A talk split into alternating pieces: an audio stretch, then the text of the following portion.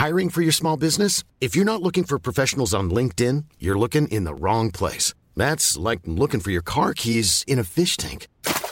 LinkedIn helps you hire professionals you can't find anywhere else, even those who aren't actively searching for a new job but might be open to the perfect role. In a given month, over 70% of LinkedIn users don't even visit other leading job sites. So start looking in the right place. With LinkedIn, you can hire professionals like a professional. Post your free job on linkedin.com slash people today.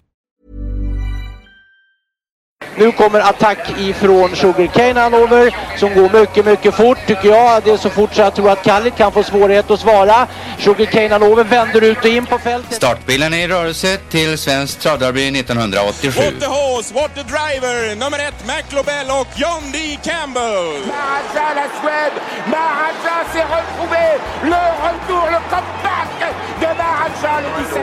Vid något tillfälle att jag trodde att det var en av de bästa hästar jag hade tränat för. Det tolkades på du behöver inte misstolka det längre för det här är den bästa häst jag har kört och tränat någon gång. Det är tisdag igen och det är dags för Trottosports podcast ännu en gång, eh, ännu en vecka.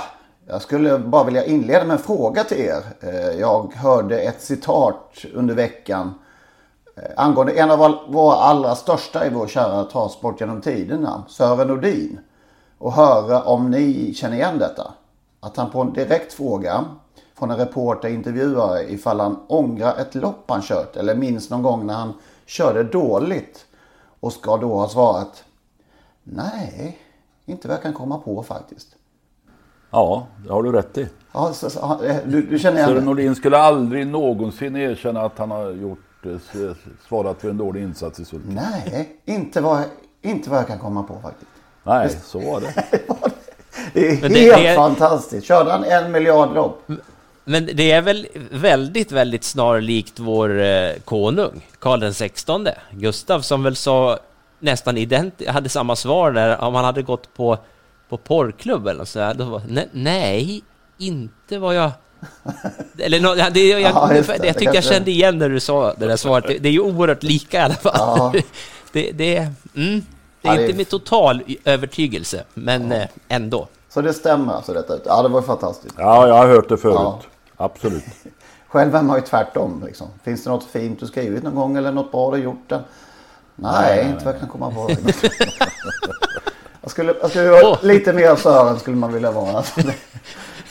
Välkommen till podden där vi ber om ursäkt för att vi finns. ja, exakt. Ja, lite snabb bara. High five! High five! Fågel eller fisk?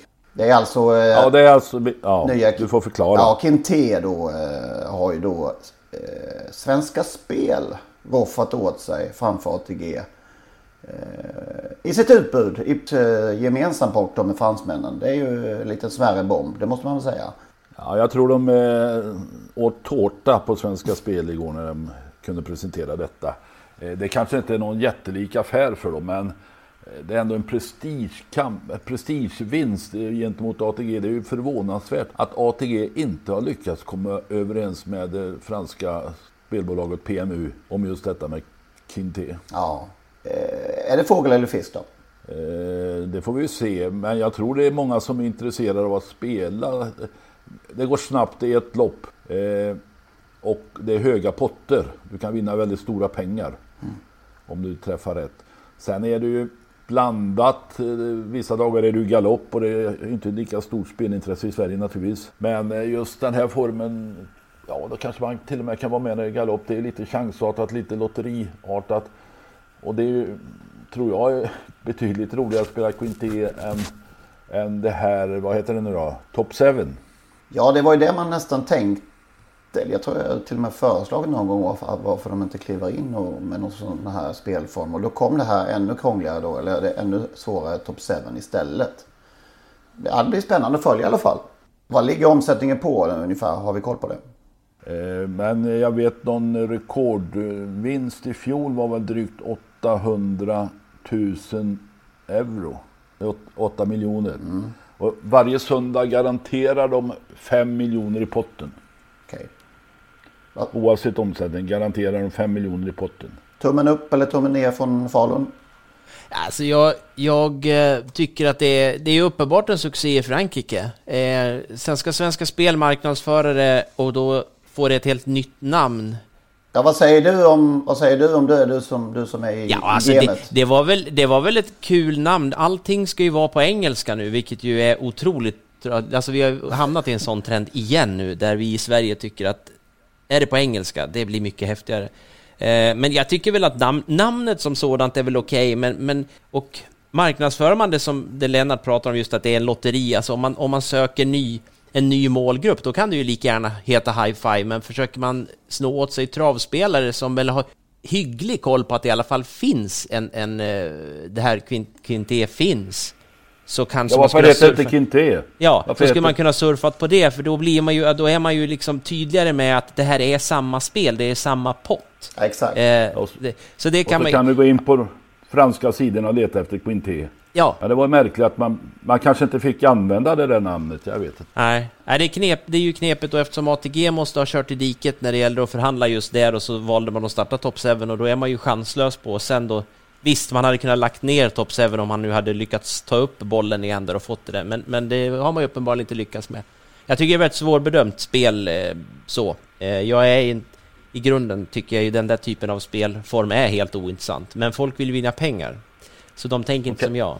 Eh, De åker lite stålskjuts här nu kan de ju göra på att ATG visar alla lopp under vintermeetinget från Vincennes. Ja, sen de skulle ju visa, eh, Svenska Spel ska ju eh, skicka vidare, de kommer ju att sända den engelska versionen av PMUs sändning. Eh, men de, Ja. kommer ju, de kommer ju inte ha någon egen studio, lik den som ATG har, så de kommer ju bara att och, slanga vidare det som kommer ifrån från Frankrike där då.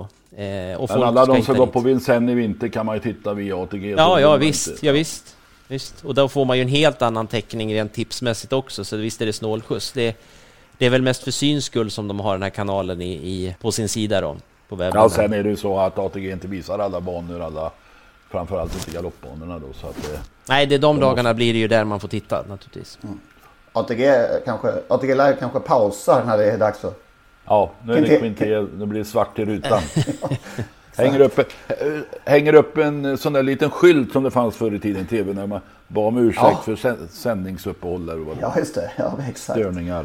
Tekniskt fel. En blindskylt fanns ju, hade de ibland i, i sportsändningarna. Nu, nu, för er som vill se matchen i efterhand så... så Ja, just det. Ja, man skulle blunda eller titta bort, va? för nu kommer vi att visa resultaten från... vi- Ja, precis. Matchen sänds i sin helhet efter Sportspegeln. Ja, Så blunda liksom inte vill veta. Nu kan ni titta igen. Och det påminner om alla dessa gånger när man har varit inne på, på de här lördagarna när V75 i- sändes i efterhand och man höll sig undan hela dagen. Jag minns speciellt Ja, en gång, jag hade lyckats hela lördagen men kom på att jag ska åka till affären, jag hinner precis innan sändningen börjar, ska bara dit och köpa mjölk. Och, och vet ju det här att det är ju radio på i, i affären, men det löser sig liksom. Jag kommer klara det här och så kommer jag gå runt i hela vägen och hör ingen radio, ingenting. Och sen när jag står i kassan med den jävla mjölken, då, då, då står det en gubbe bakom som träffar en bekant och så Du såg du V7, eller V75 där, hur det gick? Och så drog de väl tre eller fyra av vinnarna i alla fall där så att, ja. Nej, Ja. så är det inte längre. Men blind, framför sådana här blundskyltar, det är kul. Ja. Mm. Eh, jag tror inte vi behöver, förklara mer än så här. De som förstår, de som är med i gamet förstår. Eh, galoppen i Halmstad igår på lunchen. Global boom. Var det galopp eller inte i, över upploppet? Det var väldigt kort i så fall. Men var det galopp? Jag tycker det. Kort galopp. Otroligt. Kortare kan det inte bli. Nej, men det var, ju, det var absolut, tycker jag, att det är galopp. Sen, sen kan man undra om det är sådär lite ska diskas för, men det står ju i reglementet att, att man inte får galoppera i alla fall. Och då tycker jag ju att det är galopp och då är det ju diskning. Ja, jag, titt, jag tittar ju aldrig, jag säger aldrig på lunchtrav. Det måste jag erkänna. Eh, jag vet inte varför, jag glömmer av det varje dag i alla fall. Eh, nu har jag tittat i efterhand eftersom jag har följt debatten och ja, galopp eller inte. Jag, jag skulle inte vilja vara domare i det, det, fallet. Alltså jag, jag passar, jag lägger ner min röst. Ja, men jag också. Jag, får man säga att man inte vet?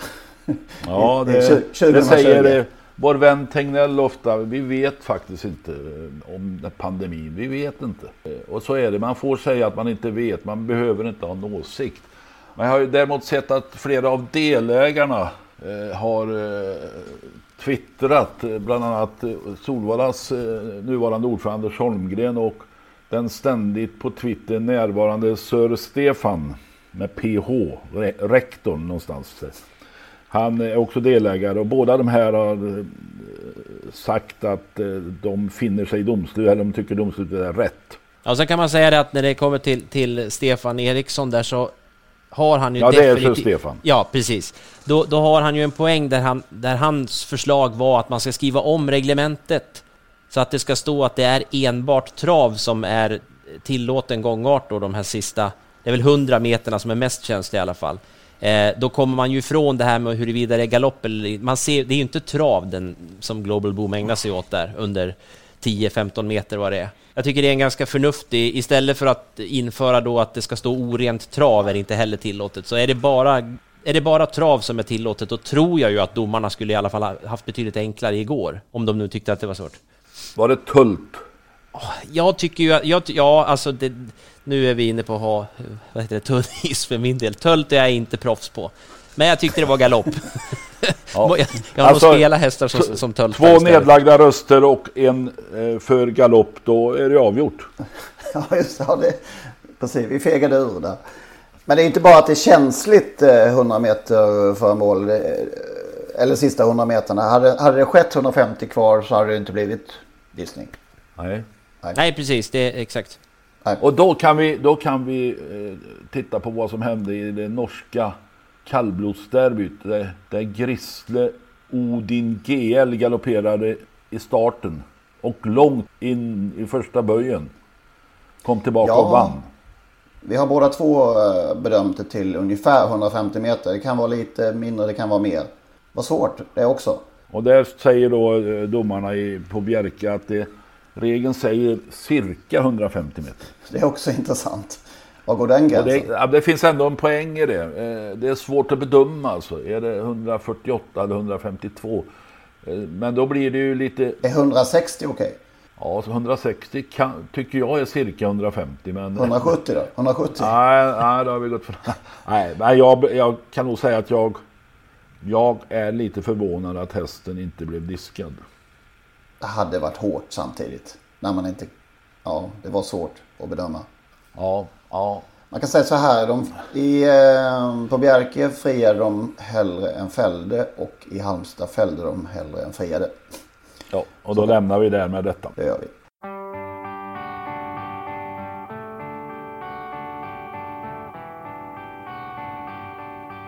Vad var det bästa sen senast vi satt här då? Har vi, vad njöt vi av? Mest? Ja, alltså bästa för mig är Facetime Bourbon 1.09,4 2200 meter volt på Vincennes. Utan att, utan att ta, i, ta i en enda gång. Ja, det verkar inte så. Han sprang ju... Alltså, man brukar missbruka det där eh, ordet eller benämningen att eh, han vann okörd. Alltså ingen häst kan vinna okörd, det finns inte. Och, och det är inte den här gången heller, men han gjorde det så lekande lätt. Så det, Ja, det- det, man blir ju frapperad. Det är all världens tyngdlöshet liksom. Det, det, Ja, så. Han svävar fram och han gör precis vad kusken vill. Vilket fenomen till häst. Jag kan inte påminna mig. Jag vet inte. Vi sa kanske likadant om Ecurydé här för några månader sedan. Men, men det här är ju... Ecurydé skulle enligt eh, tv-kommentatorerna bli världens bästa häst när han vann Hugo Åbergs Memorial. Välkommen Facetime Bourbon. Får jag säga en sak till eftersom jag ändå har ordet. Eh, Gundersens tredje raka derbyseger i Norge i GBR den här gången. Det är också en prestation eh, av hög kvalitet. Och IGBR ägs ju dessutom av Mårten Langli, den kände norske travkommentatorn och korant, numera korantanställde. Eh, vinna tre derbyn i rad, det, det tycker jag är oerhört imponerande. Vad fastnade du för Magnus? Nej, jag, jag sitter och eh, jag hakar i vad gäller eh, Facetime Bourbon, där, för det loppet såg jag. Jag såg det som man numera ofta kan komma att göra då. Jag såg det i min, min eh, telefon utan ljud eh, och, och kanske inte till 100% koncentrerad, men säg att jag var 90% koncentrerad och konstaterar bara att ja, han, han gled undan sista biten, så ja, det var ett blufflopp. Och sen läser jag om att det var världsrekord och allt. Alltså han, det, man blir ju så lurad som ni säger, alltså man blir så fintad av den här hästen. Han, han är ju uppenbart, ja han är överlägsen i loppet, det såg man ju. Ma- Magnus, Men- det var ett blufflopp. Ja, på världsrekord under 1.10. Ja, det är så bisarrt alltså. Jag, jag fattade ingenting när jag sen läste rubrik. Det var på kvällen sen så Facetime Bourbon mosade världsrekordet. Jaha, vad var det för lopp? Var det något lopp till tänkte jag på kvällen. Hänger jag inte med? Nej, det var ju oerhört märkligt alltså. Och Björn Goop, ja, elljus.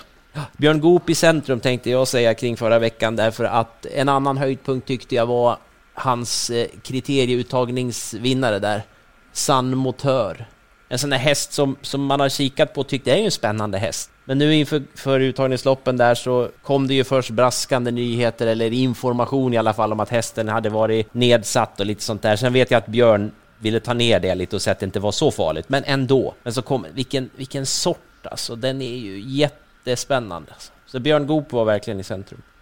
Jag säger uh, Unique Juni. Jag tyckte hon var läcker på, på Hagmyren. Man blir, jag blir fortfarande helt lycklig när det kan se ut sådär i travsporten 2020. Står 40 meter och i och för sig blir det löst sig ganska bra sådär. Men, men i ett 15 hästars fält, bana med kort upplopp. Letar vinnarna i främre träffen nu, kort upplopp. Fattar ni det va? Och så bara blåser de ner det från, från, från en sån position. Jag tycker det är, jag, jag blir glad varje gång jag ser något sånt där. Imponerande. Ja, hon är, hon är fin.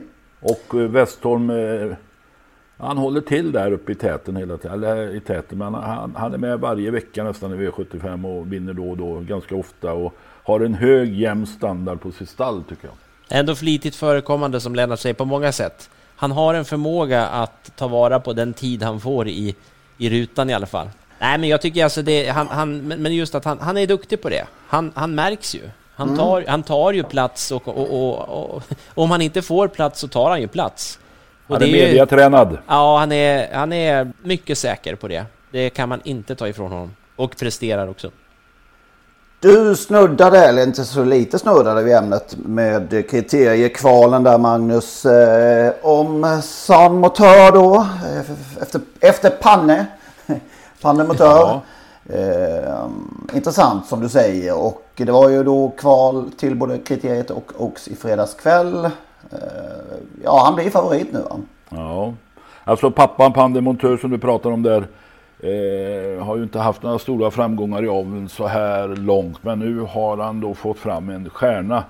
Eh, Pandemontör var själv inte med i kriteriet om jag minns rätt. Han var däremot tvåa i derbyt. Han vann ju jubileumspokalen som femåring. Eh, Sundsvall Open Trot. Eh, Elitloppet, två Elitloppet bakom Timo K. Som sexåring. Så att eh, det var ju en, en, eh, en stjärna på banan men lite bortglömd ändå, eller hur? Ja, när du säger det där så jag kommer ihåg att han väl inte gjorde så många starter med efter det där Elitloppet va? Han eh, ser, eller gled han inte av banan ganska halt där. Han gjorde 42 starter totalt och vann 19 lopp. Men den här San Motör får han fram, har han fått fram en stjärna. Lite intressant där i stammen är att mormor är det väl då, Tiba Lavec vann Breeders Crown för treåriga ston 1994 för Bernt I. Arvidsson, Bil-Bernt. Som alltså är pappa till Håkan som äger den här hästen tillsammans med några kompisar. Och, om nu måste jag säga det, morbror till Björn Goop då. Just det. Ja, hon är till och med mormors... eh, Nu fuskade jag här, för så bra är jag inte på stamtavlor. Men hon är till och med mormors mor. I Ballavec. ja. Vi har Kissy Suzuki som är, som är mormor, men det är ju... Det tar inte ifrån, det är ju verkligen Goop, eller Arvidsson Goopstam kan man väl säga.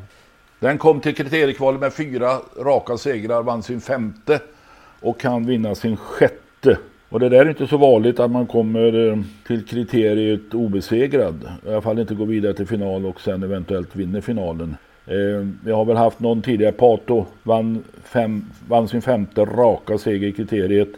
Och eh, vad heter den nu, Svanstedts vinnare där. Drogi. Drogi hade vann sin sjunde raka när han vann kriteriet. Mm. Ja, det är...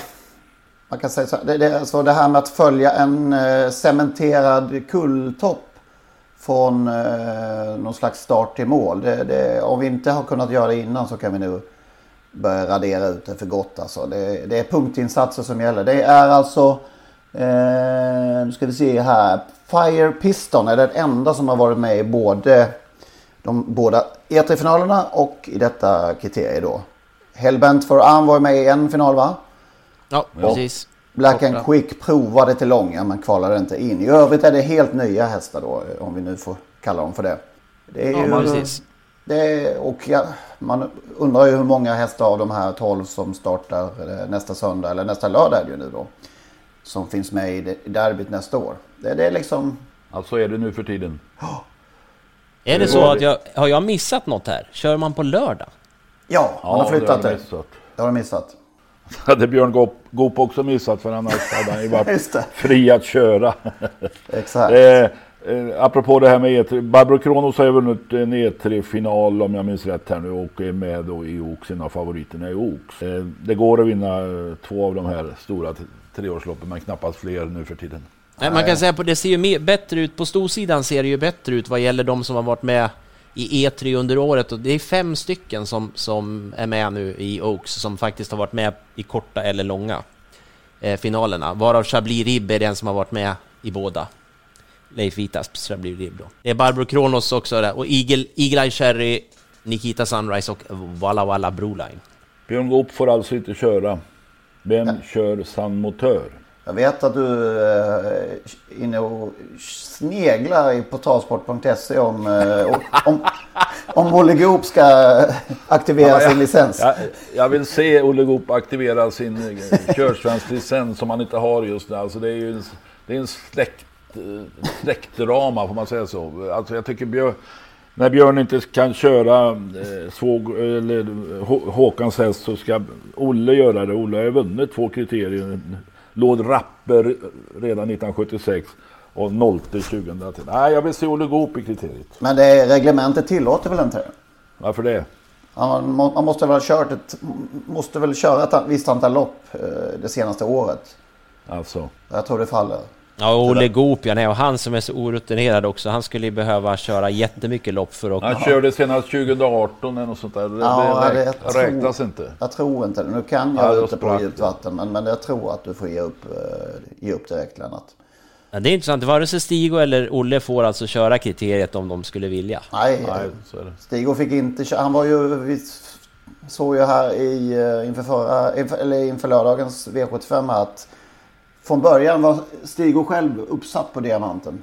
Men det var, det var nog bara en teknik, teknikalitet. Han ville avvakta vem han skulle välja som Jo men så var det. Men vi snuddade ändå vid tanken. Ja, just det.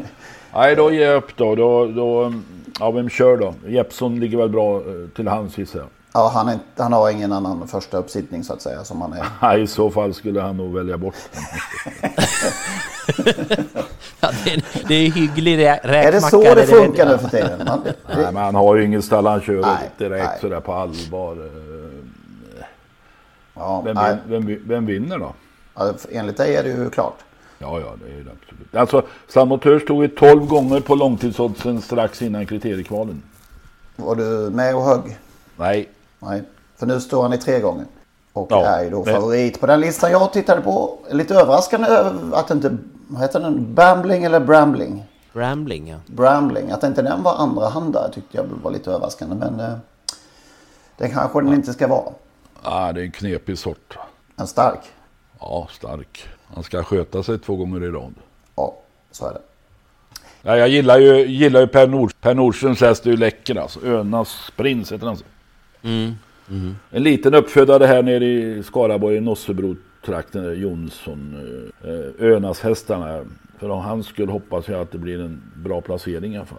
Tvåa bakom San Motör. Surt att Selected News slogs ut. hade varit så roligt. Ja, det var synd. Det var det jävla innerspåret som fällde honom ju. Ja, det var det. det, var det. Och ett, Ja. väldigt, och ett eh, överlägset tuffaste kvalet var han ju ute i. Också. Något annat som ni slogs fast, av? det är hårt. Det är hårt. Äh, ja, jag, det här är ju, nu ska vi se. Eh, det är två år sedan nu som vi hade kriteriekval och vi hade bland annat Campo Bahia och efter den kvällen så pratar man ju verkligen om vilken otroligt bra kull det var. Eh, den känslan har åtminstone inte alls jag kring den här kullen. Det, är- det, det är dels som du säger det här, Henrik, det är det här med att, att följa en kull och det är många som faller ifrån. Men det, det, är, ju- det är få som har stuckit ut så där enormt mycket. Tycker jag, i den här Det kullen ändå. brukar heta varje år i derbyt och kriteriet det här är det bästa någonsin. Men nu kan man nog säga att det är en bit ifrån det bästa. Är det nollte årgång? Man ska få säga så. Ja, därför, just därför ska Olle köra. För det är en dålig. Ja, ja. Det är som gjort för Olle det här. ja. Dispens vill vi se. Olle fick en dispens när han skulle köra eh, den här eh, Ahlsells eh, kusk, vad heter det? Veteranloppet där, Legends. Då var han ju avstängd egentligen. Ja, okej, ja, just det. En ny, en ny dispens vill vi se för Olle Men hur, hur i hela friden kunde Björn Goop dra på sig den där avstängningen? Jag, Ja, det är alltså ett vardagslopp i Gävle va? Ja. Gäller ingenting om man ska hårdra det. Det är klart det finns, det finns ägare där också. och- Men det är ju så. Ja, det, är, ja. det är faktiskt otroligt. att Björn gör en sån tavla, det är för mig ofattbart. Ja. Ja, det är, alla lopp är lika viktiga Lennart. Ja, jag håller med. Ja.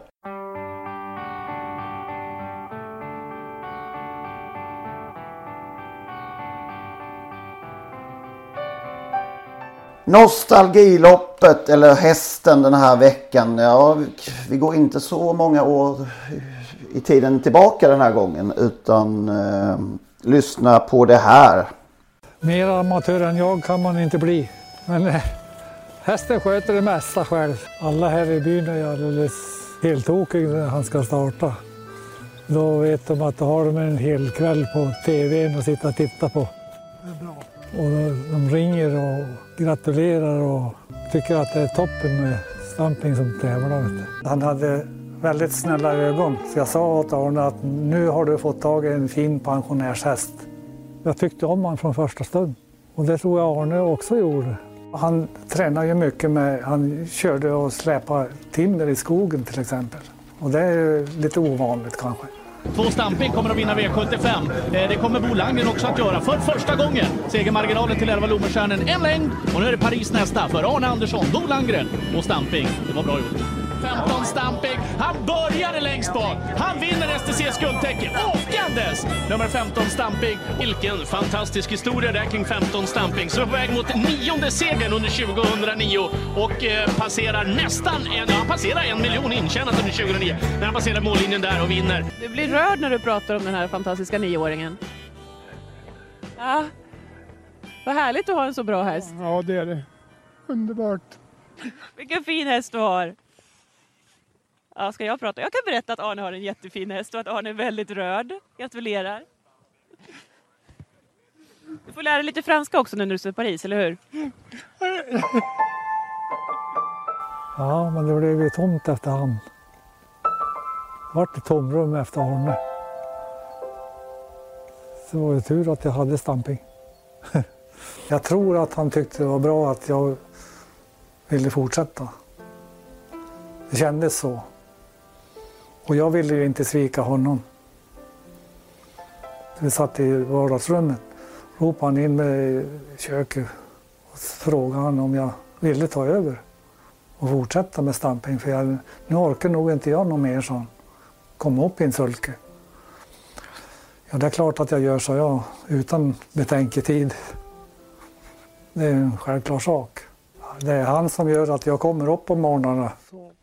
Varje morgon klockan sex och ut och sköta han. Och, och, ja, det är, det är en riktig vän. Ja, det är stamping. Kom då. Så- Det finns inte någon som kan ha en finare amatörhäst. Han är ju helt underbar att ha att göra med. Synd bara att han inte har en riktig tränare. Hur bra skulle inte han då vara?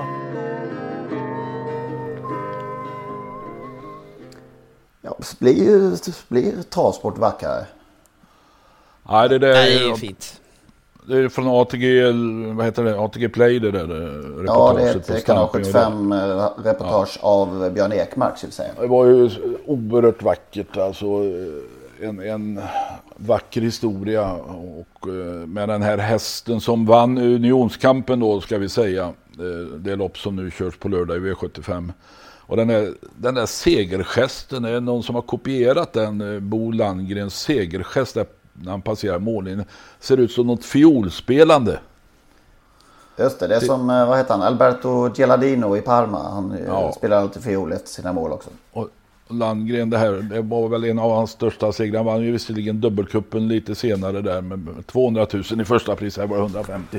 Men hela den här historien kring Stamping och den här ägaren Arne Andersson som sen gick bort och hästen togs väl över av grannen där, häst, där den var, Stamping var inhyst egentligen. Och det är honom vi hör eh, det mesta här på det här, i det här reportaget. Heino Lohelainen.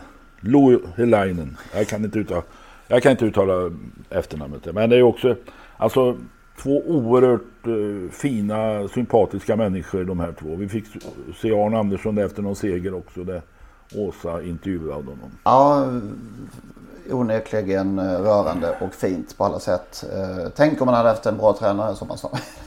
Ja, det är Ja, ju... då hade det inte gått alls kan Nej, jag säga. inte. Han vann 40 lopp på 148 starter. Och sprang in. 3,2 miljoner.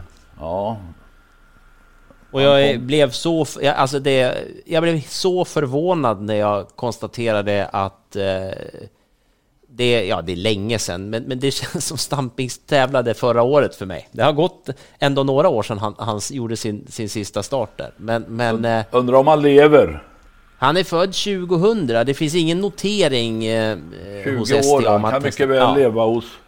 Det får vi hoppas. Går, går i hagen hos Heino där och är den eh, fina familjehäst som, som eh, han alltid har varit.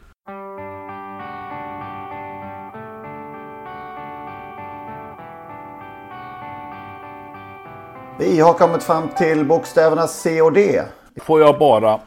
Alltså vi, vi fick ju lite ganska stor re- respons på det här. Eh, och vi har, eh, har fått lite bakläxa här och var naturligtvis. Eh, att vi har glömt hästar, glömde hästar på A och B. Och Anders Lindqvist var ju först då naturligtvis. Activity. Den kanske borde ha varit med på A. Jag, jag hittat, eller kom på ett annat A, Abracadabra som Nisse Sundin tränade en gång i tiden. Men eh, jag har också fått ett mejl, ett vackert namn naturligtvis, Boett, kriterievinnaren, kriterievinnaren 1969 för Per Sundberg. Och som faktiskt slog Ego Boy en gång i tiden på Sola, då med Sören Norberg. Den här hästen köptes ju av Skrotkalle Adolfsson. Och Benny Ternemar, Axvalls förre chef, säger att vi glömde Bertie the Great. Och det är okej, den glömde vi. Men jag gillar ju inte så här långa namn och framförallt inte med eng, eh, liksom engelska ord i. Men okej, Bertie the Great, denna grolla som vann 34 segrar. Ulf, Ulf Sundvik tränade och födde upp och ägde. Så nu har vi... Eh, man kan säga så här, vi glömde fler än vad det Ja, vi, vi glömde hundra, flera hundra. Har du några 100 000. mer? Ja, så att vi kommer glömma hästar nu också. Ja. Men det här är våra. Mm. Vem vill börja? ja jag överlåter till er. Ja men ska vi, ska vi, vi eh, gjorde ju en liten koll för säkerhets skull igår, Henrik och jag. Eh, fast det var på nästa bokstav. Vi börjar med bokstaven C, då blir cliffhanger då på, på, på bokstaven D. Men på Ja. C där, eh, så tycker jag att man hittar Värm, Värmlands hela, det är väl elakt, inte hela travhistoria, men det är otroligt mycket travhistoria i två C-hästar från Värmland. Ja. Vet ni vilka jag menar? Kallit tror och det. Kopiad gissar jag. Två bra namn tycker jag dessutom. Kopiad är ju ett otroligt bra namn. Det är, det är ett typiskt sånt namn som lika gärna kunde ha hamnat på en häst som gjorde två starter och inte tjänade en krona liksom. Det är kul när de, när de faktiskt har... har nej, Kopiad tycker jag är ett, det tycker jag är ett jäkligt bra namn. Presentation överflödig va? Eh, vad, vad, ibland kallades han Kallit och ibland Kalit. Vad var det, vilket var det rätta egentligen? Jag har alltid sagt Kalit, men jag, jag, jag kände mig ju enormt eh, i minoritet där. Kallit var väl jämnt va? Ja, Kalle på trappan sa Kallit. Ja okej, det var en tre. Alltså tyvärr, tyvärr lever ju inte uppföraren Sigurd Nilsson i Töcksfors. Han var ju folkskollärare och eh, en, en eh, språkduglig man. Så han hade ju kunnat rätt ut detta åt oss. Men det finns kanske, sonen lever ju, Olle Nilsson. Så att eh, vi kanske kan få något svar han, hur det nu ska uttalas. Jag vet att Bosse Ryggen alltid körde med Kalit. Ja, det gjorde han ju. Ja. Då var jag inte ensam. Det kanske var därifrån det kom. Ja, just det. Stämmer ju. Kallit, men eh, ja, jag, jag skulle säga Kallit och det tror jag alltid har gjort. Ja, det, jag är också på den. Jag är också Det behöver inte vara rätt för att jag säger det. Nej, det hade varit kul att, att få veta uppfödarsanningen. Jag, jag är ibland skeptisk. Det finns ju uppfödare som faktiskt döper dem, tycker att de ska heta på ett sätt, men det faktiskt är så att när man läser det så är det något annat. Men i det här fallet så tycker jag det är 100% uppfödaren som bestämmer, för det finns liksom ingen Finns ingen sanning annat än hos uppfödaren här tycker jag. Men på C, det fanns ju en hel radda här. Jag, jag drar då över mina. Eh, jag börjar med Chianti eftersom jag älskar dessa viner. Och det är ett, ett vackert, vackert namn också. Ja, då är vi ju nutid och dessutom. Ja, exakt. Vad slutar han i derbyt? Kan ni ta det? Tvåa, tre, tvåa. är det den mest anonyma derbytvåan någonsin? Kan ja, vara så det, faktiskt. nej, det finns så många anonyma Ah, Okej, derbyt. okej. Men att han, det var ju fortfarande, det var ändå chock när jag upp, gick upp för mig att han faktiskt var tvåa i fjol. Otroligt. Ja, Jag, trodde du skulle, jag tänkte du skulle fråga vad, vilken placering han fick i lördags där. Ja, men, Han gick men, bra eh, till slut. Han var fyra Mm. något. Mm. en lite äldre Coccinell apropå eh, Nils Sundin här som du var inne på nyss. Ja, kriteriet 1963. Upp, har ju lopp uppkallat sig efter, efter sig på Solvalla.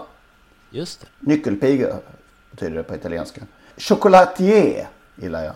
Ja, alltså nu är det, där, det är så svårt att uttala för eh, gamla farbröder som jag. Ja, Chocolatier, okej. Ja, fin häst. Fin häst, fint namn. 23 starter totalt, 9 miljoner intjänat. Vann BC för tvååringar i USA, Hamburg 2 och World Trotting Derby-vinnare. Eh, Cecchi, kikärtor på italienska. Det är, förlåt. Ehm, Ja, vi, vi accepterar den ursäkten. Ja. Crowns Invitation om man ska ta ett engelskt. Det tycker jag. Det ligger bra i munnen. Eh, och sen eh, för att den var så jävla härlig häst. Cli- Clipton. Ja, bra, det var min lista. Ja, visst. Den var, det var faktiskt det första namnet som poppade upp på C. Jag Ja. hade jättesvårt. Okej, Eh, så ja, det- det tänk- tycker jag ja, jag, det, Just sådana där, jag har ett till sen, men jag tänker att Lennart måste ju sitta med en hel lista här nu. Då, då sparar jag min sista så får vi se om du får chansen på den eller Lennart. Ja. Jag ska ta en USA-import som jag tyckte var ett vackert namn. En vacker, vacker häst. eh, Stadalias Coalition. Mm. Eh, Men nu ska jag gå på svenska namn som är lätta att uttala. Cirro, sprintermästaren Cirro. Ah, just det. Eh, och sen den här underbart fina hästen Cornelius. Eh, som vann 69 segrar. En son till Inventor, Bengt Nilssons stjärna en gång i tiden. Cornelius tränades väl i Lindesberg av eh, bröderna Tybeck. Lars Tybeck körde ofta, men även ägaren eh, Ekberg, Karl Ivar, eh, sonen Jan Ivar. Cornelius vann 69 lopp. Oj. Eh, sen får vi inte glömma Elitloppsvinnaren 1954, Carné. Ja, åh, det är ju ljuvligt. ljuvligt. Carné. Fiskåle Persson. Och så tar jag mig friheten att nämna en häst jag själv var delägare i och som jag körde i något lopp fast jag körde uselt. Som hette Kalulu. Ja, ju, den ja, ja, ja, Bosse Näslund är det för mig. Det är 80 Inte, Lennart, inte Lennart Persson för mig, utan det är... nej, när jag var i vinnarcirkeln och vann en silverdivisionsfinal på Solvalla till 29 gånger och slog Pelle Einberg och några, några till. Eh, 24 lopp vann han totalt. Han började faktiskt med sju raka segrar för Bosse Näslund. Han såldes senare som lite äldre häst till Leif, hästägare hos Leif Vitasp. Jag måste få berätta. Kalulu köpt, vi var ett gäng som åkte och såg en fotbollsmatch i Prag. Tåg från Lidköping till Prag. Eh, och då kom vi överens att vi ska köpa en häst tillsammans. Vi var tio. Vi skulle se Sverige-Österrike i något eh, EM eller VM-kval. Vi var tio stycken skulle dela på den där hästen. Bosse Näslund var med på resan. I Berlin, Östberlin, så eh, tappade Bosse Näslund passet på vägen dit. Och eh, det eh, fångades upp av en säkerhetspolis och kördes till någon polisstation en bit bort. Och när tåget skulle gå hade Bosse inget pass och fick inte kliva på tåget. Ja, goda råd var dyra men det var inget att göra åt. Han och en annan god vän, Bosse Stolander, fick stanna i Berlin och åka till den här polisstationen och, hämta ut passet och fick sen flyga till Prag. Men de kom dit före oss, vi åkte ut tåg som sagt då. När vi kom hem efter den här resan så köpte vi den där hästen av en uppfödare i Varberg. 55 000 kronor och vi skulle dela på 10. Men eh, liksom när spriten gått ur kroppen och eh, man kommit hem till sina chefer i, i köket så hoppade sex stycken av. Så vi blev fyra kvar och eh, ägare stall Praha. Ja, det är såklart. ju- såklart. Tjusigt. Visst var, var väl en par, lite parad, paradtravare va? Det var Ja, rätt raka efter- ben. Visst var det Ja, så? Ja. absolut. Efter Carlisle. Susanne Song. Sen måste vi, får inte glömma den här alltså. Den måste med bara. Ni kommer, och ni kommer jubla när jag säger den. Charm Asserdal. Åh. Ja. Ja. Ja. Vilket, både namnet och hästen. Klassiskt travnamn. Ja. Ett av de där tidiga namnen som jag Ja. Men du som jag som inte lärde mig. gillar, du gillar ju inte så här kennelnamn. Henrik. Det får vara undantaget för det är så fint. Det är så fint. Eh, köptes ju då av, eh, för 8000 spänn eh, av Timo Eve 1974 som ett och ett halvt åring. Och eh, vann ju det mesta som går att vinna av Finlands kanske bästa häst genom tiderna. Eller? Ja, kanske. Kanske. Vann den första upplagan av ni- eh, jubileumspokalen 1977 inför 30 000 personer på Valla. Ingen Det var- pandemi på den tiden. Nej, före Duke, Iran och Madison Avenue. Ja. Ja, det. Nu går vi över på det. Stopp, jag har en till bara. Jag, Okej. jag sparade en. För det tycker jag är så fint. Karl Otto. Ja. Okej. Karl Otto. Alltså vi kan... Dalarna. Jag tror vi får göra en egen podd om det här med namn. Ja, Vi kan hålla på hela jävla dagen. nu måste vi gå över på det. Ja. Kör. Ja, det, ska vi ta de där, eh, de här två? Jag tänker nämligen att Lennart kan få prata om de här, om han, han kanske har dem också. Men igår eh, skulle vi bara snabbkolla du och jag Henrik där. Eller jag ville kolla med dig om det kunde vara så att du kanske hade tagit något av två namn som jag hade. Och så nämner jag två och det var båda Ja. som du hade. Ja. Så att då, låter vi, då lämnar vi över till, till, eh, till den som kan något om de här två tänkte jag. Och det är Oj. Dimma. Dimma. Björn Lindblom.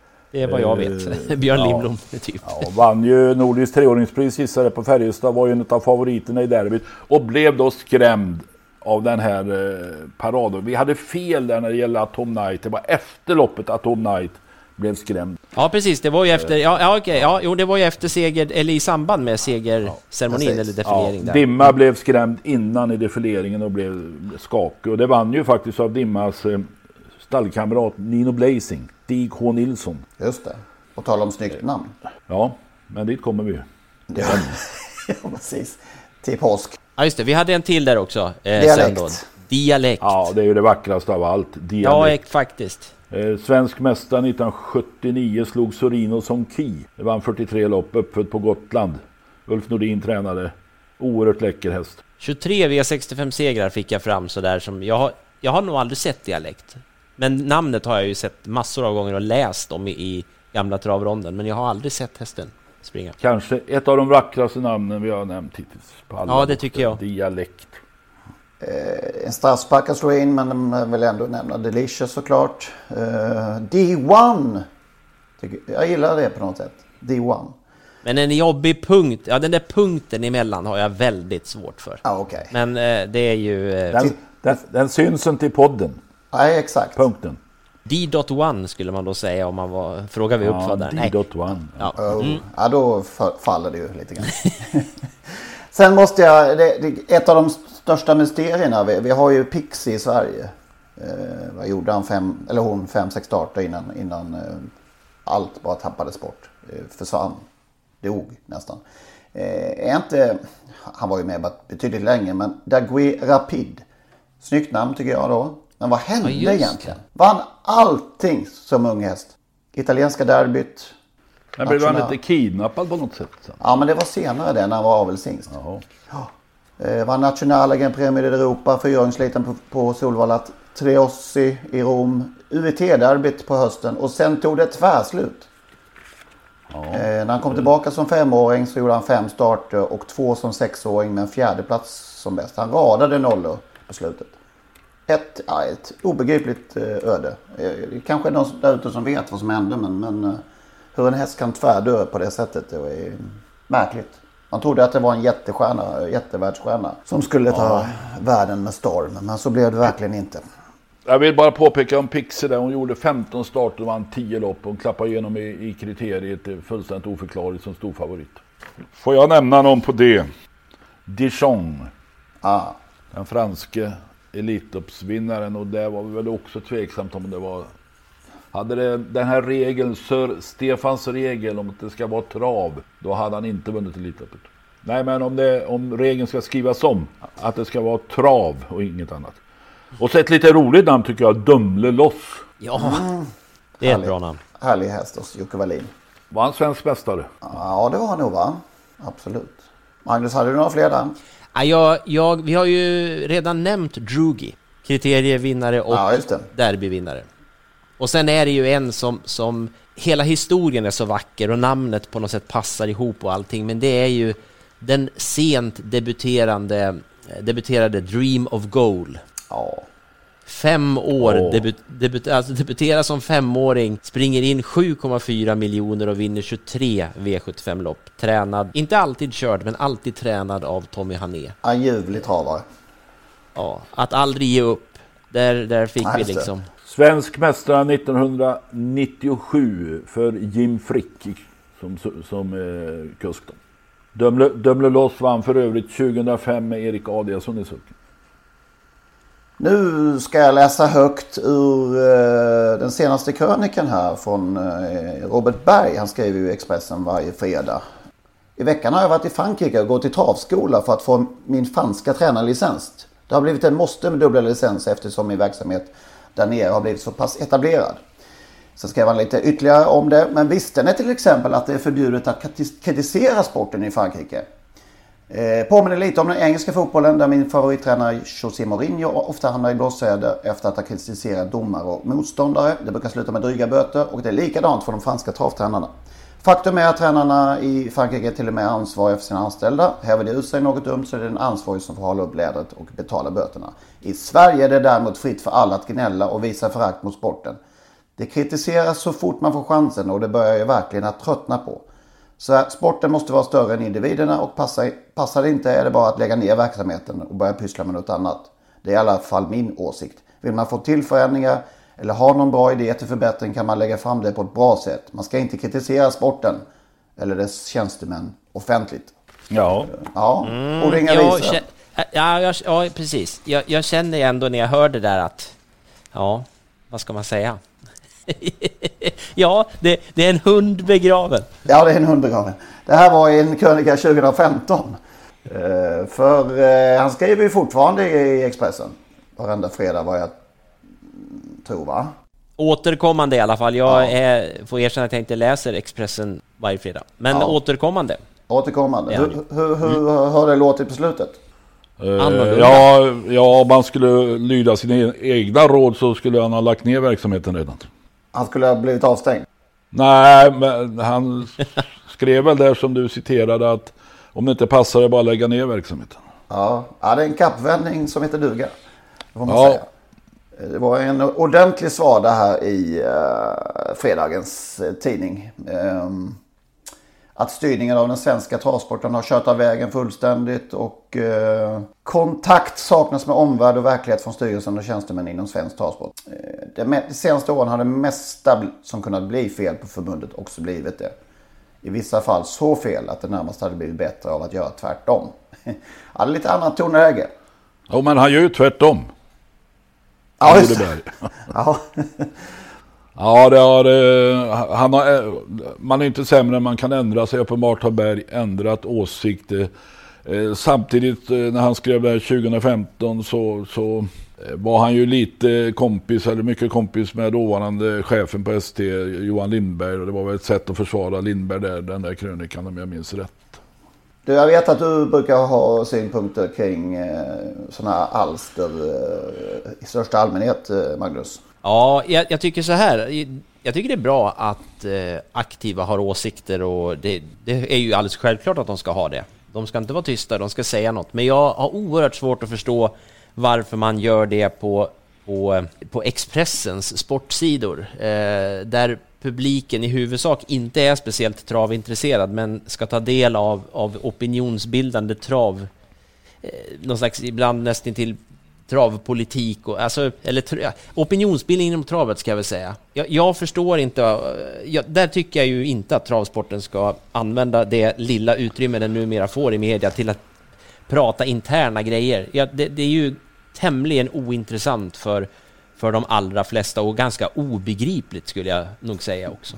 Eh, det, finns ju, det finns ju andra forum för travsporten att diskutera interna frågor, för det, de ska ju upp på bordet, det är ju ingen tvekan om det. Men jag är tveksam till att det ska stå, stå i Expressen. Det är lika när, när Tarzan skriver, de har ju åsikter, det är jättebra att de har åsikter, men jag vet inte om travsporten ska hålla på och disku- debattera i riksmedia så. Det framstår ju som att travsporten är en väldigt eh, problem, eh, problemfylld verksamhet, vilket den ju är. Det är ju sanningen, men den behöver nog kanske inte stå i riksmedia tycker jag. Nej. Ja. Jag har också haft alltid svårt att just um, de aktiva ska ta på sig den här krönikörsrollen. Uh, det är ju, jag tycker det är lätt skadat faktiskt. Medan journalisterna då tvingas bedriva uh, speljournalistiken då och inte, inte ja, tappa den här platsen då helt enkelt. Uh, om man får säga så. Det tycker jag är konstigt.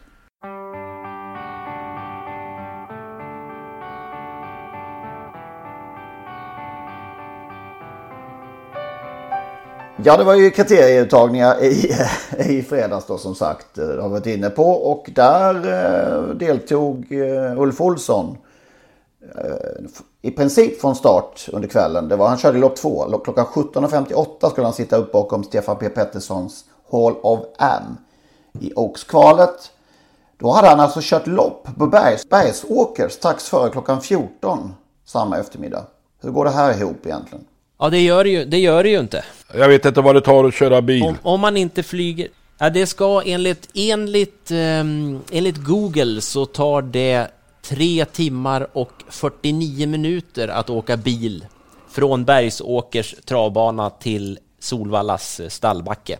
38 mil. Har Google ingen kolumn för travkuskar?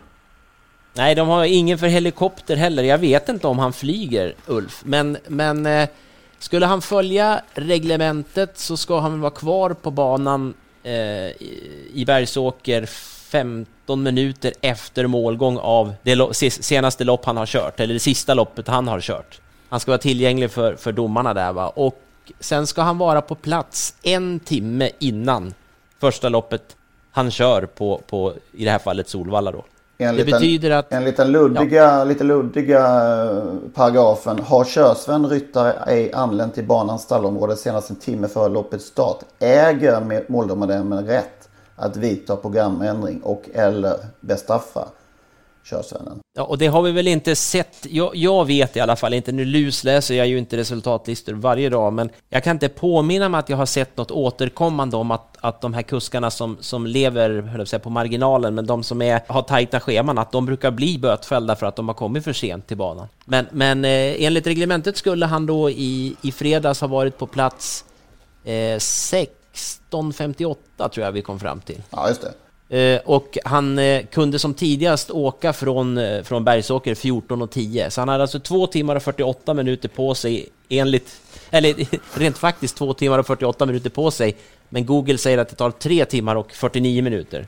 Ja, så att, det, krävs ju en, en, någon form av, av Mario Andretti-körning, rally, inte rally men Formel 1. Det är ju orimligt helt enkelt. Det är ju, det är ju och jag förstår inte varför vi ska ha så i travsporten. Det, alltså att, det finns, finns ju flera aspekter. Dels är det ju då en uppenbar trafikfara om man kör för fort. Det är väl därför vi har hastighetsbegränsningar gissar jag. Eh, det andra är ju att eh, som elitidrottsman, man får ju betrakta detta som elitidrottsmän och kvinnor, ska förbereda sig inför eh, framförallt viktiga uppgifter. Och vi kan väl utgå från att kriterier och OX var viktiga uppgifter. Alltså Alltså till och med jag som då eh, är ledare till vårt trelag i fotboll, vi är framme vid, som i lördags, en och en halv timme före avspark för att killarna ska promenera lite, äta något mellanmål och värma upp ordentligt. Och gå igenom de taktiska dragen och så vidare. Eh, travkuskar behöver, de sitter kanske framför ATG Live och, och förbereder sig, men just den mentala förberedelsen inför viktiga lopp, att då jäkta ofta, nu kanske han åker vid sidan om och sover. Det kanske är en bra förberedelse. Men man bortser från detta tycker jag helt och hållet. Alltså uppdragsgivarna. Är det en bra uppladdning att jäkta från en bana till en annan? Förutom då den här aspekten med, med trafiksäkerheten. Och, alltså det här har ju debatterats och varit uppe till diskussion många gånger. Men ingen tycks bry sig på SD. Alltså det, borde vara jävligt enkelt att säga att, att får, du kan inte köra på två banor samma dag om de inte är inom 10 mil eller vad man nu kommer fram till. Eh, men det är liksom bara, och det, det hände en olycka för ett tag sedan eh, under samma förutsättningar med, med några kuskar inblandad, inblandade. Och det kommer, alltså det kommer hända en olycka till slut när någon kör ihjäl sig. Då kommer den här frågan upp igen. Och då kanske SD skrider till verket. Ja, det borde inte vara. Är, är det en så stor inskränkning alltså på, på vad säger man, sin egen nä- näringsverksamhet. Är det, väl, det är väl så det brukar försvaras. Att människor ska få bestämma själva över sin, eh, ekonomiska försörjning eller liksom företags, företagsverksamhet. Men, men är det verkligen en så stor att, att, ha, begräns, att ha begränsningen att eh, Det här är en idrottstävling, sporttävling för ö- oavsett.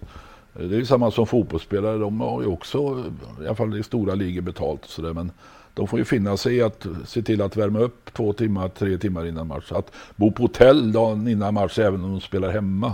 Ja, det borde varit enkelt liksom. Att, att bara att begränsa det till att en, Det- ban, en bana om dagen. Det enkla är det svåra. Ja, nej, det är, ja, ni har, det är väl talat. Det är vad jag har pro, pro, propagerat för länge. En, en bana per dag. Det är, nej, alltså det, säg så här, nu händer ju inte det, men det är klart att om, Romme och Rättvik kör eller vi har banor, det, det är fullt rimligt att ta sig mellan banor, men ST borde väl kunna mata in i ett system att man inte får anmäla sig till två banor som ligger 38 mil ifrån varandra, där det helt uppenbart inte går att, att, att inom lagens ramar förflytta sig, om han nu inte flyger helikopter då. Men då måste han ju på något sätt intyga det. Jag vet inte, men det är, det är väldigt... Nej. Ni sa Alltså- det bra, jag, jag stannar där. Att regeln saknas uppmuntrar ju folk till att bryta mot eh, trafikreglerna. Ja, och det, så är det ju. Och, och att det här romantiserandet kring att, att köra för fort är ju, har jag väldigt svårt för också. Eh, och det har ju väl varit lite accepterat inom travet i, i alla tider att det är bara så. Kuskar kör fort och det finns en massa fin, fina, roliga historier tycker man då om kuskar som har blåst snuten och allt vad de har gjort. Jag är inte så jätteimponerad av sånt. Unique Juni, det var en fin vinnare från Lennart Persson i lördags. Ja. Vad hade vi, fel? vi hade fel också på ett besök. Pleasure for Cash gjorde ju ett jättelopp men eh, han inte fram riktigt. Satt ju Nej. illa till där va. Det stod ju i programmet också. Ja, eh, det- Så är det ju. Eh, det var väl... Eh, Det kan ju lösa sig bättre eller sämre. Det kan det göra. Och sen hade jag ju, det var ju då det Lill-Spiks förslag som jag hade. Eh, men mitt, mitt huvuddrag i omgången var ju Alone i, i ja, V757. Och det gick ju inte. Blev ju väldigt knasigt lopp det också. Eh, men eh, jag tycker att han gjorde ett bra lopp. Men det spelar ingen roll. Som V75-spelare har man ingenting för det. Det är bara frustrerande för alla, alla skriker om nästa gång.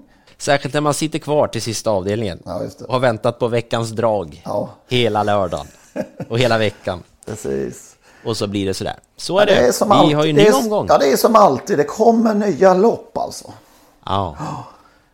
Så vad hittar vi väl där? Ja, det, jag har... ehm, Det är så tidigt va? Listorna kommer och man, man börjar göra eh, en överblick. Men jag, jag har landat den här veckan och nu blir det ju så här Jag att har man, man lär landat. sig inget. Ja, ja. Vad är det för språk? Nej, jag, förlåt Lennart, jag menar nu ska jag leverera ett drag. Ja, nej, så här. Ja, Jag tack har inte för lärt mig, hej då. Ja. jag har inte lärt mig något sen förra veckan. Eh, min idé den här veckan kommer i klass 2, V75 4. Från bakspår, nummer 12, Jackson VS. Ja. Sofia Aronsson tränar, André Eklund kör. Jag har På- lärt mig noll, men det är lång distans. Bästa hästen vinner. På färg, även på Färjestad? Ja. Om det är någon, om, om, om alla som tjatar om nedförsbacken på Jägersro som man är så trött på så att man håller på, jag vet inte. Eh, Färjestad, den är värre för mig, för mig än, än Jägersro som spetsbana. Ja, det är ju så. Vi har ju en, lyckats pricka in, eller, eller ST när man planerade det här eh, tävlingsprogrammet, har man ju lyckats planera in tre banor i rad med V75 där, som är mina tre sämsta banor, alla kategorier. Jägersro, Hagmyren och så kom Färjestad nu. Ja. Så the only way is up. Men, men eh, jag, går, jag går till botten med, med Jackson VS då. Men det är faktiskt det, min, min spik i omgången. Något mer? Den, den är läcker. Jag vill bara påminna om, vi pratar om Abracadabra. Eh, Nisse Sundins eh, gam, eh, häst en gång i tiden. Som faktiskt Göte Östen vann sitt allra första travlopp med tror jag. Det finns en Abracadabra nu på Färjestad i V75 2 nummer 1. Ja, varför inte? Det kanske är dags för en ny Abracadabra. Ja. Sen om man ska, ska vi titta V7 där då i sista avdelningen också så kommer ju Farlander Am som vi pratade om förra veckan. Blir väl ganska stor favorit kanske där då eh, från spår 2 bakom bilen över långdistans. Men eh, måste ju ha riktigt bra chans. Spännande det. Eh, och så jättefavoriten där i kallblodsloppet, eh, är den oslagbar eller? Odd Herakles. Inga hästar är oslagbara men den ser onekligen svårslagen ut. Rolig. Ja, vi får en jättefavorit igen i kallblodslopp för andra veckan i rad. Ja, så får vi omgångens... Det, är- det här är ju inte jättevanligt att det blir så här stora favoriter, men nu får vi... Det här blir ju... Odd Herakles blir ju ännu större. Rolig eld med Björn Goop den här gången. Mm. Och så vinner väl Who's Who då antagligen? Eller? Det låter som det blir lätt. Vi står över och laddar för jackpot på Solvalla blir det va? Kriteriet. Kriteriet. Ja. Ja, vi får se. Har vi gjort någon... Eh, har vi gjort någon dålig pod, podcastavsnitt någon gång? Ja, inte, Nej. bara kan, inte bara kan minnas. Nej. Nej, jag kan inte komma på det faktiskt. Men Ja, vi har- ändå, jag, jag tycker ändå att, att det är inte vi som ska avgöra det riktigt, men vi flaggar för att man ju faktiskt kan eh, på Podcaster, den appen som finns i, i iPhone och eh, iPad i alla fall, så kan man ju faktiskt ge oss ett betyg. Och Oj. det skulle ju vara ganska bra om man gjorde det därför att, att gillar man oss och, och eh, säger det, eller klickar i att man gör det, så ökar det chansen för att fler hittar på oss också. Och då kan vi hålla på ännu längre och så kommer alla ha det ännu bättre. Nu har vi ju avverkat C och D, bokstaven C och D och vi hör gärna vad eh, lyssnarna har för eh, åsikter eller för idéer, tankar kring C och D. Men vi kommer vidare i alfabetet så det behöver inte tipsa om framtiden. Gärna om det vi har pratat om idag.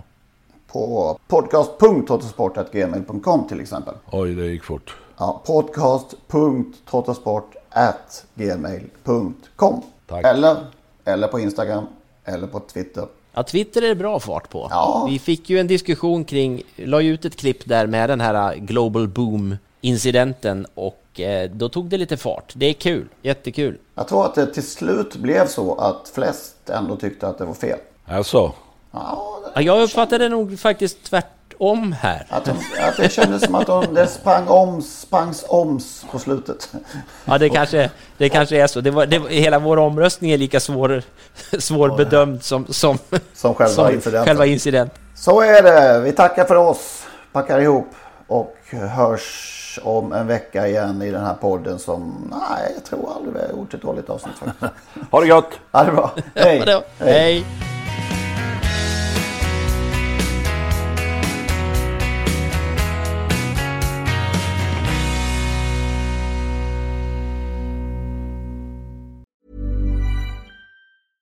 Hey, it's Paige DeSorbo from Giggly Squad. High quality fashion without the price tag. Say hello to Quince.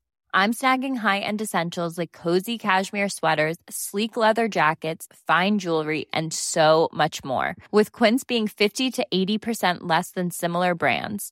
And they partner with factories that prioritize safe, ethical, and responsible manufacturing. I love that. Luxury quality within reach. Go to quince.com slash style to get free shipping and 365 day returns on your next order.